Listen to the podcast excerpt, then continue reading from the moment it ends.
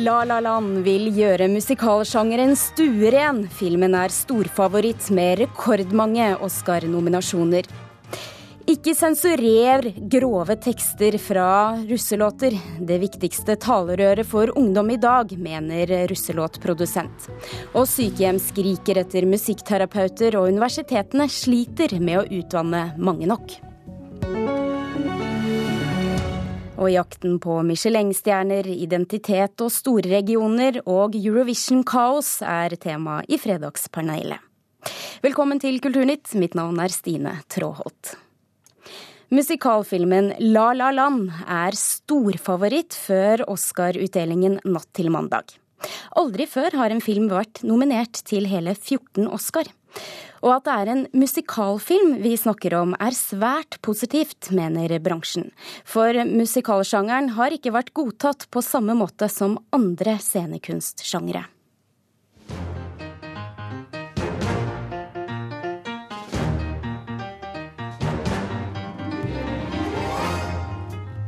Jeg er helt overbevist om at det kommer til å påvirke musikalsjangeren på en positiv måte. Det sier Atle Halstensen i produksjonsselskapet Sene Kvelder. Og han snakker om filmen La La Land. Two options. You either follow my rules or follow my rules. Capiche? Thank you. I can do it a different way. No, that's, that's fine. Thank you. La La Land er nemlig Oscar-favoritt med hele 14 nominasjoner. Dette er et historisk høyt tall som bare deles med filmene Titanic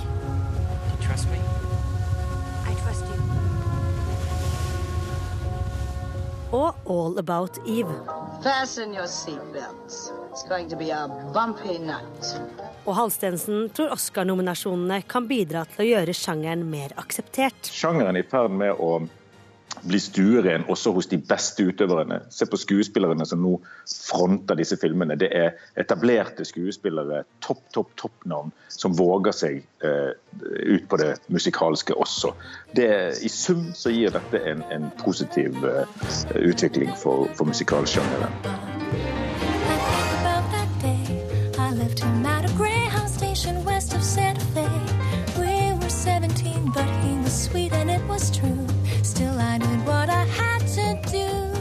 People want something that's different. Dette er regissør Damien Chazelle i et intervju med Hollywood Reporter. Than than everything else that's you know out there, and that's why I I you know desperately wanted to make it. Han hadde lyst til å lage noe helt annerledes.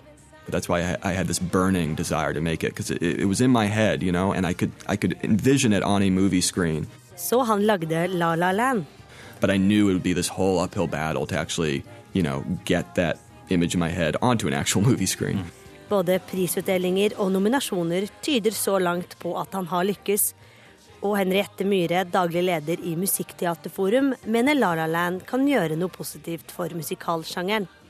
tendensen nå er at man ser at folk begynner å ta det seriøst. Bransjen selv begynner å ta det seriøst. Og, og på en måte alle rundt som, som har muligheten til å snakke det opp eller ned, begynner også å ta det seriøst.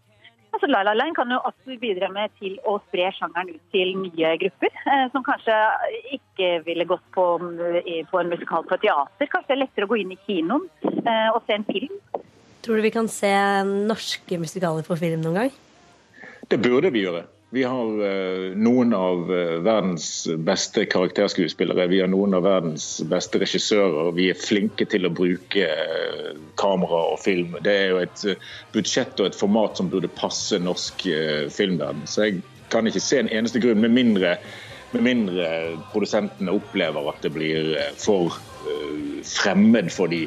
Men, men selv der skulle det være mulig å kunne kjøpe seg kompetanse. Så i aller høyeste grad vil jeg jo si at, eh, at det vil være en, en sjanger som burde adderes til den norske.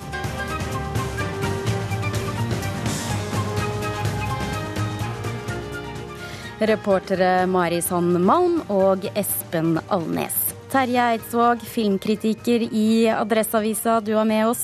Du, Ja. Hvor utskjelt har denne sjangeren egentlig vært? Eh, ikke så veldig utskjelt. Den har mer vært en sjanger som har kommet og gått. Og så eh, var jo den store storhetstida som den La La Land hyller på fortreffelig vis, var jo 50- og 60-tallet, kanskje særlig, med de fargesprakende musikalene av Vincent Minelli, Jacques Demy og Gene Kelly, 'Singing in the Rain' og alt det der.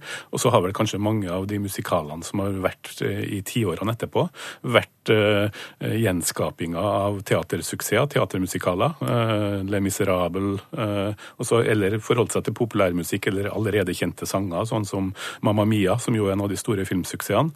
Men uh, sjangeren har vel ikke vært så veldig utskjelt. Den har vært mer av at den har kommet og gått i, den, i det formatet som La La La er, er, et eksempel på. Det er kanskje mer det, for det er lett å glemme at kanskje, jeg vil jo si at den mest populære kanskje filmen det her årtusenet egentlig er en musikal, nemlig Disney-filmen Frost, hvor, mm. som har virkelig prega generasjoner med både sanger og, og, innhold. Sånn at vi har kanskje litt lett for å, å, å tro at La La Land er mer eksepsjonell enn den egentlig er, selv om den er for all del som film, og ikke minst som den gedigne Oscar-nominasjonssankeren, så er den et interessant fenomen, og jeg tror nok at den vil få en, en viss sånn ettervirkning også. Hvor mange Oscar tror du den får, da? 14 nominasjoner? Eh, jeg tror vel den får et sted rundt eh, halvparten, eller noe sånt, og det vil være bra. Jeg både håper og tror det. Eh, nå går det jo fort litt i sånn bølger at uh, the winner takes it all, som det sies i en annen musical, musical. men jeg, jeg, tror ikke den kommer til å slå rekorden og bli tidenes mestvinner. Jeg håper heller ikke den gjør det. og så er det en del, mye på grunn av at det er en del veldig sterke utfordrere i en del enkeltkategorier i år, da, at mange av de tekniske prisene og jeg håper at eh, den svenske fotografen Linus Sandgren eh, får prisen, men at den står igjen med en Oscar-rekord, det har jeg liten tro på. Men du, dette er jo egentlig en typisk romantisk komedie. Hva er det da som gjør at eh, sekserne, terningkast seks, virker å hagle litt her? Ja, det kan jo for så vidt jeg også stille et, lure litt på. Det er nok en meddrivende og oppløftende film, og så er det en litt Det er en filmfilm. Mange F.eks. Eh, den også ganske Oscar-nominerte Le Miserable var så til de grader en, eh, en filmversjon av en teatermusical, mens den her eh, bruker særlig åpningsscenen filmspråket, eh, bruker bildene og spiller også på musikk som folk ikke har hørt før, selv om den, som de fleste musikaler, er veldig forankra i nostalgi. Mm. Så, men også at Emma Stone og Ryan Gosling, som jo er to strålende filmskuespillere, synger og danser og gjør gjør ting de kanskje Det er sikkert flere som mange Ja, måttet lære seg, kanskje. Ja, og det er ja. mange som synger og danser bedre enn dem, men det er noe med den, den uh, nerven de tilfører filmen ved at de opptrår i de, i de rollene som de gjør her. Terje Eidsvåg, vi får følge med. Oscar-utdelingen er altså natt til mandag. Tusen takk. Sykehjemmene rundt om i landet skriker etter musikkterapeuter, og universitetene har heller ikke nok plasser til å utdanne så mange som det er behov for. Musikkterapi har tidligere vist god effekt på sykdommer som depresjon og demens. Ved Røde Kors sykehjem i Bergen føler pasientene seg heldige som nettopp har en musikkterapeut. Landet er aller best, Kjellemann kom til meg, hei. På Røde Kars sykehjem i Bergen sitter åtte av pasientene i en ring med rullestolene sine. Og musikkterapeut Camilla Erlandsen står i midten og spiller gitar. Vi er heldige med hun Camilla. Det liksom kommer minner frem igjen. sant? Det er sanger som vi har hørt og kan. Merkelig sang, det holder mye mer enn hva vanlig tale. sant? Det sier den spreke 95-åringen Kjell Walter Monsen. Men ikke alle er like heldige som pasientene her. For etter hvert som forskning har vist at musikkterapi har god effekt på sykdommer som demens og depresjon, har etterspørselen eksplodert. Det er altfor få musikkterapeuter til at det blir nok kvalitet i det, og til at det blir rettferdig fordelt til brukerne. Det forteller professor Brynjulf Stige ved Grieg-akademiet. Selv om en starta med å ta i bruk musikkterapeuter i norske sykehjemmer for hele ti år siden, er det fremdeles bare 24 studieplasser fordelt på de to masterutdanningene i landet. Og for eksempel har en bare to årsverk fordelt på 22 sykehjemmer i Bergen kommune. På landsbasis er det behov for flere hundre, faktisk. For å møte det store behovet for musikkterapeuter, har Universitetet i Bergen og Musikkhøgskolen i Oslo nå foreslått å nesten doble tallet på studieplasser i statsbudsjettet for 2018. Her liker jeg å gå. Takk for i dag, dere. Reporter Mai Helen Rolfsnes. Det er altså Oscar-utdeling natt til mandag. Vi må holde oss litt der, reporter Mari Sandmalm. Trump, presidenten, han kommer ikke til å følge med. Hvorfor ikke? Nei, altså Det er forventet at mange vil ytre sine meninger om den nye presidenten i løpet av søndagens utdeling. Men Trump kommer altså ikke til å følge seremonien. Det er Det hvite hus pressetalsmann Sean Spicer som sier dette på en pressekonferanse. Og Han forklarer det med at eh, Hollywood er kjent for å være langt til venstre i sine meninger, og at presidenten eh, vil være opptatt med å arrangere guvernørballet. Og så til en annen eh, pris, Nordisk råds litteraturpris. I går kom nominasjonene. Vigdis Hjorth og Henrik Nord Hansen nomineres til prisen fra Norge. Hva skriver avisen om det? Det er flere aviser som omtaler dette i dag, og en av dem er Dagsavisen. De har intervjuet Nord Hansen, og han er veldig overrasket over nominasjonen. Han er nominert for romanen 'Termin', en fremstilling av vold i Norge som handler om en mann som blir utsatt for blind vold. Men Ingunn Økland i Aftenposten hun mener at Nord Hansen ikke er riktig kandidat for nominasjonen. Hvem er Henrik Nord Hansen, skriver hun i Aftenposten i dag, og hun lurer på hva komiteen i Nordisk råd har funnet som andre har oversett. For boken hans er altså ikke anmeldt i Aftenposten, men Økeland mener at 'Termin' ikke er en av de beste bøkene som ble utgitt i Norge i 2016, og derfor ikke er riktig å nominere han heller til denne prisen. Men hvem som får prisen, får vi ikke vite før 1.11. Takk, Mari Sandmann. Russetiden nærmer seg, og russelåtene de har for lengst hatt sine slipp. Og selv om låtene i utgangspunktet er til for å skape god feststemning, så er de ofte fylt av grove tekster om narkotika og kvinneundertrykkelse. Russelåtprodusent Eirik Bakke mener at låtene fungerer som et talerør for russens holdninger. Russemusikk er det fremste talerøret for eh, russ og videregående elever i dag, mener jeg. da. Dette sier produsent Eirik Bakke. Han er en del av produsentkollektivet Lattis Weed, som har produsert låter for flere russebusser de siste fire årene. Han mener at det å sensurere grove tekster i russelåter krenker ytringsfriheten til ungdom i dag. Jeg tenker at eh, de bør få lov til å føle akkurat det de har lyst til. Det avler en sunn debatt. Det verste er om disse tankene bare ligger i hodet, men ikke tør å si det.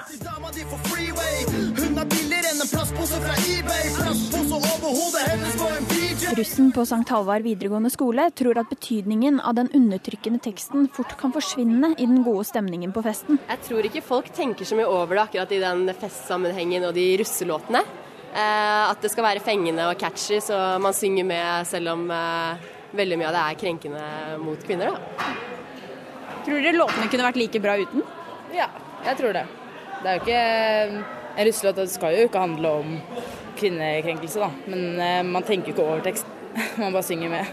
Håkon Seterdal fra Drammen startet sin produsentkarriere for bare noen måneder siden under navnet Tipsy Kid.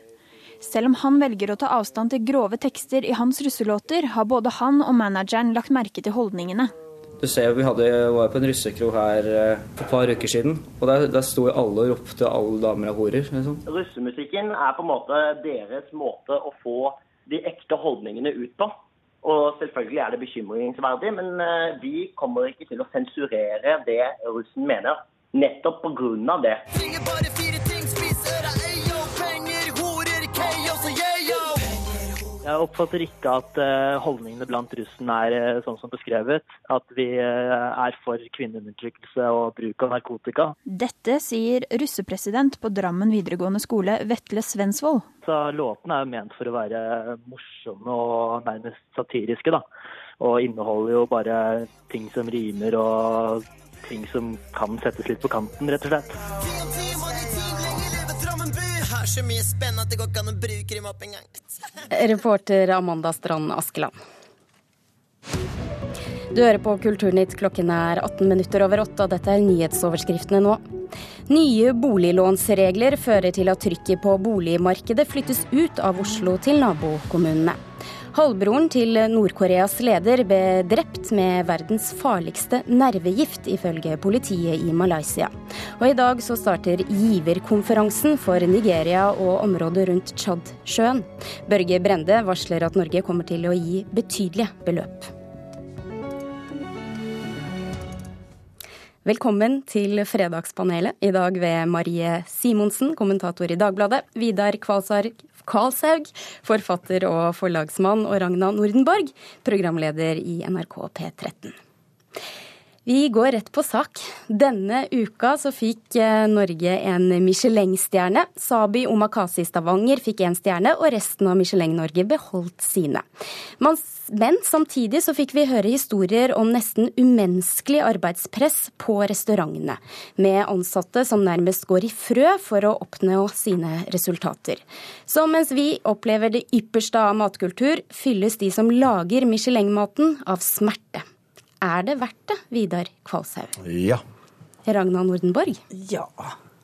Skal jeg være vanskelig å si nei, da? ok, Hvorfor sier du ja. nei? Uh, nei, altså, det, Selvfølgelig er det en grad av frivillighet, dette her. Altså, man må, hvis man vil være kokk, så er det angivelig liksom et masochistisk yrke hvor du skal bli pisket og hunset uh, før du til slutt blir den som hunser og pisker.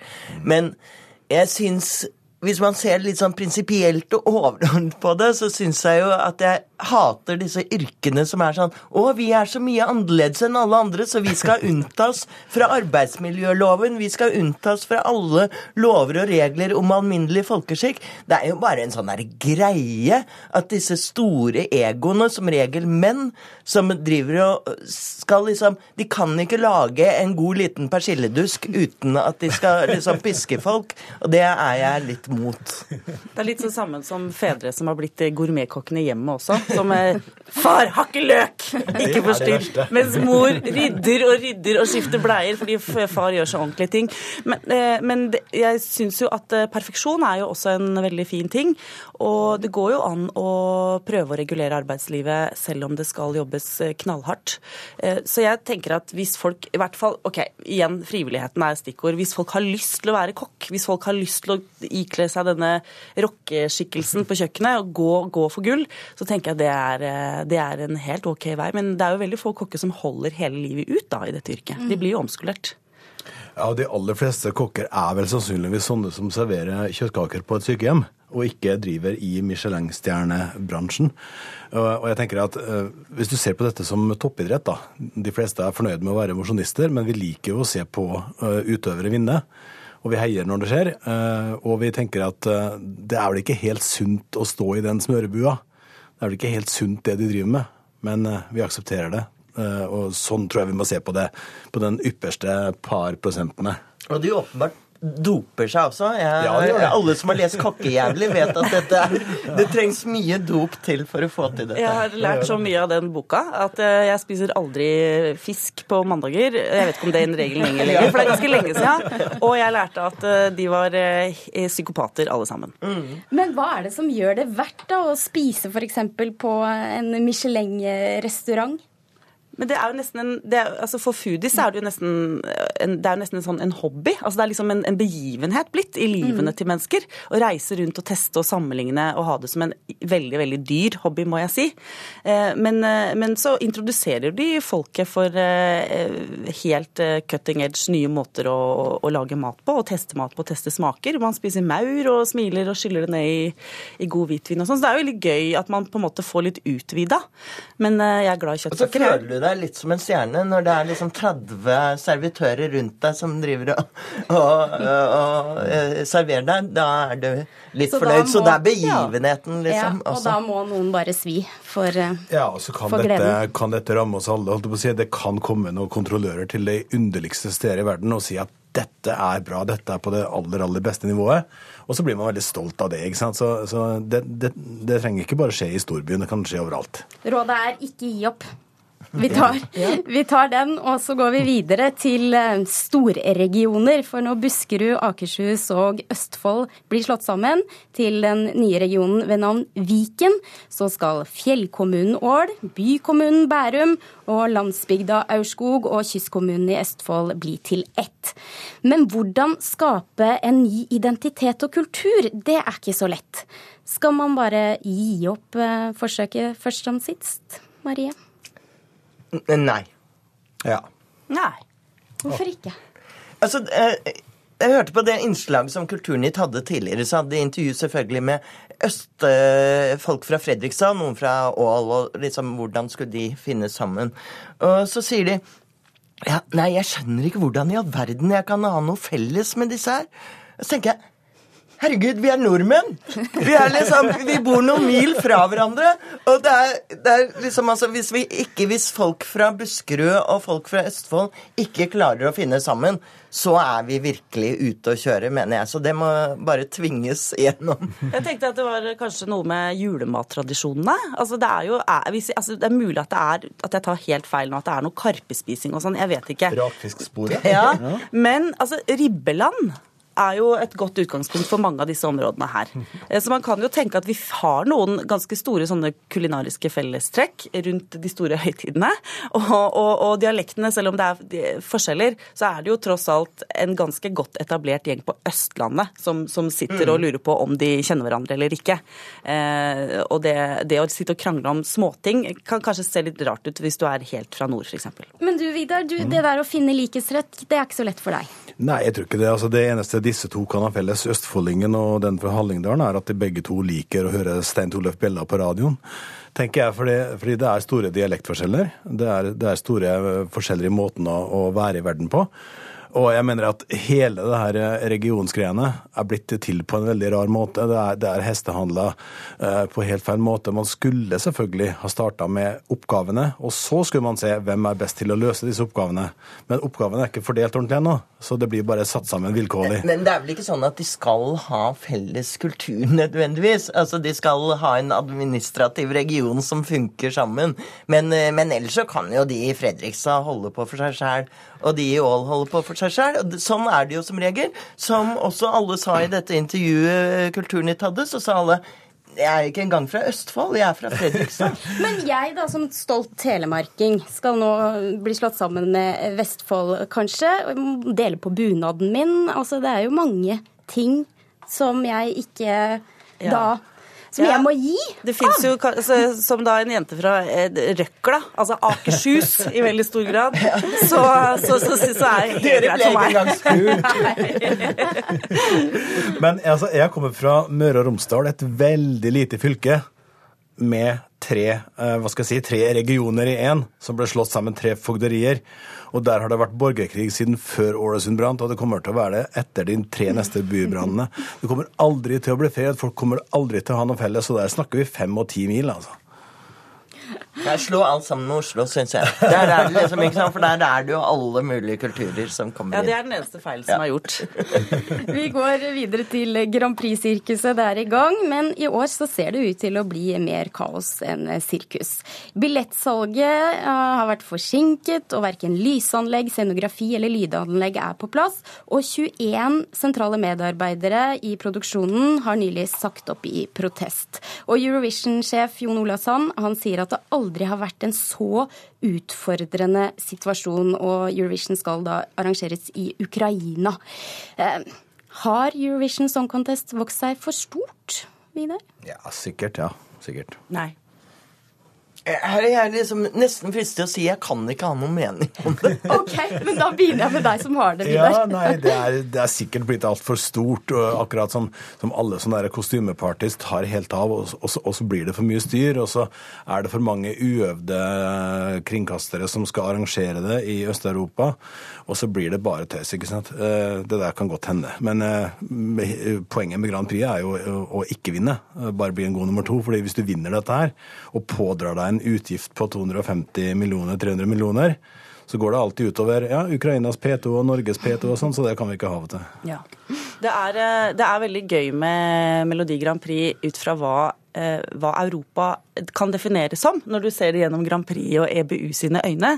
Jeg syns jo det er veldig morsomt at liksom, de som føler seg assosiert med Europa, hva nå det også er, da, eh, er greit. Altså, Australia har vært med. Jeg var selv og dekket eh, Melodi Grand Prix i Aserbajdsjan, som, eh, som, jo brukte alle oljepengene sine det året på å lage eh, Ja, Belegge gatene med gull.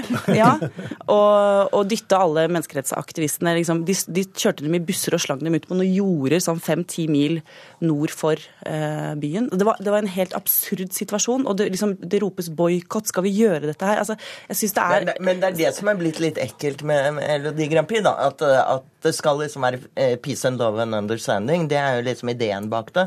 Og så er det tvert imot blitt et storpolitisk sirkus Ja. hvor, hvor Ukraina og Russland står og skriker til hverandre, og, og det er nærmest internasjonale hendelser fordi at ingen skal få lov til å delta, og det er buing. Og det er ikke minst denne strategiske stemmingen som irriterer vettet av meg. Det har jo ikke noe med musikk å gjøre Ja, hva mener du med det? Nei, ikke sant? Alle som vil eh, smiske litt med Putin, de gir liksom russerne 12 eh, 12 poeng, og vi 12 hadde vært fint. Det er kanskje til 100% 100 på det. Men tror dere at vi får se et show i Ukraina? Jo- Jon Olavsson hevder jo det, men eh, vi har jo fått en del tegn på at det er kaos, da. Ja, det skulle forundre meg om de ikke klarte å stable det på beina. Det er jo kanskje mye rør, og kanskje annerledes kulturer for organisering og, og millimeterpresisjon og sånn, men jeg regner med at Ukraina fikser det. Igjen, NRK må ta over. Vi må vinne. OK. Tusen takk, eh, Fredagspanel, som i dag da besto av eh, Ragna Nordenborg, som er programleder i NRK P13, Marie Simonsen, kommentator i Dagbladet, og Vidar Kvalshaug, som er både forfatter og forlagsmann. Kulturnytt er over. Produsent for denne sendingen var Thomas Alvarstein eh, Ove. Nyhetsmorgen den fortsetter eh, straks, men nå får du snart Dagsnytt her i NRK P2 og Alltid nyheter.